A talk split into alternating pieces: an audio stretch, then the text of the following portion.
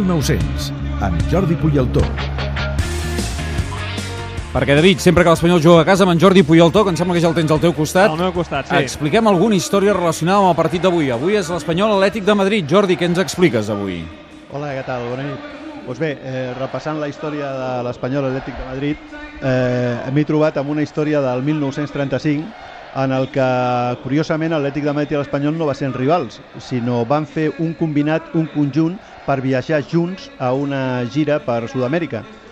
Llavors tot ve del 1926 que l'Espanyol va fer una gira fantàstica amb eh, aquell equip tan meravellós com Ricardo Zamora, Ricardo Saprissa, que l'any 28 va quedar campió de Catalunya, el 29 campió de la primera Copa que vam guanyar. Llavors, des d'aquella temporada eh, hi havia un, un empresari gallec que precisament es deia eh, Alfonso XII, tal qual DOCE a 12, i cada any el que feia era tornar a invitar, tal va ser l'èxit que van tenir a Sud-amèrica, que cada any invitava l'Espanyol. Clar, l'any 29 va començar la Lliga, llavors els compromisos eren més grans. I aquell any també va invitar l'Atlètic de Madrid. Llavors, clar, com eh, l'Atlètic de Madrid i l'Espanyol no tenien equips aquella temporada perquè van acabar setè i vuitè a la Lliga i eliminats prèviament de la Copa, es van posar en contacte al saber que estaven tots dos invitats i, i van plantejar el fer un equip conjunt. És a dir, Espanyol i Atlètic de Madrid jugant junts en un únic equip. Eh? Espanyol i Atlètic de Madrid jugant junts, exacte. I com es deia, en espanyol, Atlètic de No, Madrid? era com, combinado Espanyol Atlético de Madrid. Ah, es deia. carai, no s'ho van Eh, currar combinat. gaire, això, eh? combinat.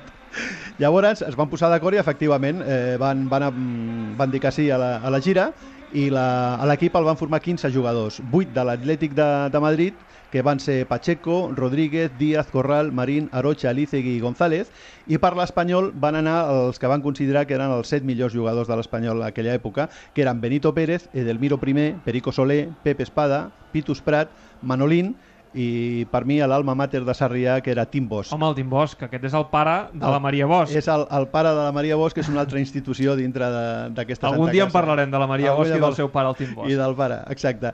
Llavors, clar, amb aquesta, aquesta expedició, al capdavant anaven eh, un, el Santiago de la Riva, que era president de l'Espanyol, Cesario Galíndez de l'Atlético de Madrid, i acompanyats per Victoriano Oliveras i Ricardo Urus, que tenen un parell de, de directius.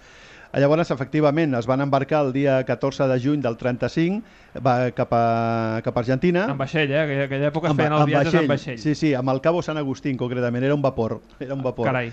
Van arribar el 15 dies després, després de viatge, el 29 de juny, i tenien previstos fer uns partits a, a tres països, Argentina, Uruguai i Brasil. Clar, es donava la, la circumstància de que Argentina i Uruguai eren els dos finalistes del Mundial de 1930 És i eren dos, dos equipassos que va guanyar 4-2 Uruguai. Llavors, clar, a l'Argentina van pensar pues, que no hi hauria color, van començar a fer un partidet el dia 7 de juliol i davant de la sorpresa de tothom eh, es van empatar dos. Llavors, clar, els argentins van quedar una mica sorpresos i van dir no, no, tenim, volem jugar un altre partit. Van fer un altre, un altre partit dos dies després, el 9 de juliol, i llavors van, van empatar un. Eh, no contents perquè estaven picats els argentins, van demanar que el 14 de juliol fent un altre partit que no estava previst i davant de 58.000 espectadors que van batre el rècord de recaudació argentina en un camp de futbol, doncs van guanyar els argentins per un, go- un gol a zero. Llavors van aconseguir, van salvar l'honor.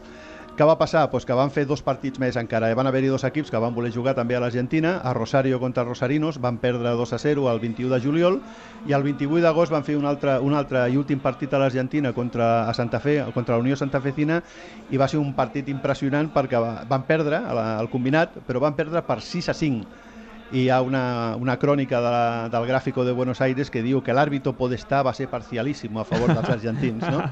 Inclús va ser tan important el partit que el saque, el saque d'honor el va fer el president de l'AFA, el doctor Malbec, que era en aquell moment. Eh, després van passar, van passar a l'Uruguai, Uruguai van veure què havia passat a l'Argentina i van preparar eh, una selecció pues, impressionant, no? els estaven esperant i el 4 d'agost doncs, van, fer, van jugar un altre partit i van guanyar 3 a 1 eh, als uruguaians.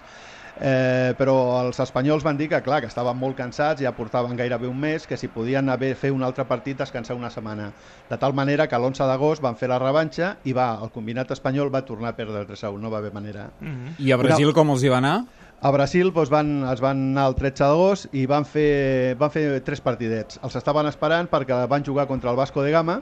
No el, Vasco de Gama el Vasco de Gama els va guanyar 4-0, van tornar a dir el mateix. Estem molt cansats, podem fer un altre partit i quatre dies després van fer un altre partit i van empatar un.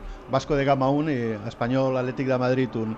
Finalment van jugar per tancar la gira el 26 d'agost, 25 d'agost contra el, un equip que es deia Palestra Italià, que el 1942 va canviar el nom, es diu Palmeiras, Mhm. que el coneixem tothom, van perdre 2 a 0 i ja destrossats van tornar, després de jugar 10 partits, guanyar 3, eh, perdre 7, i l'anècdota és que tots els partits es van jugar en la, en la samarreta de l'Espanyol, a l'escut de l'Espanyol. Doncs és una evidència que Espanyol i Sí, Atlètic de. Madrid han estat agermanats, eh? han ser estat, un, un han únic estat equip. agermanats i la part econòmica que, que és la més important, per això feien aquestes viatges, Sí. és que l'any 35 van aconseguir un, un, uns ingressos de 750.000 pessetes eh, per repartir entre tots dos equips. Déu-n'hi-do. Ja, aquesta- Gairebé aquesta un és la quilo l'any 35, això... Sí, sí, sí, tres no quarts està de quilo, malament. 650.000 pessetes.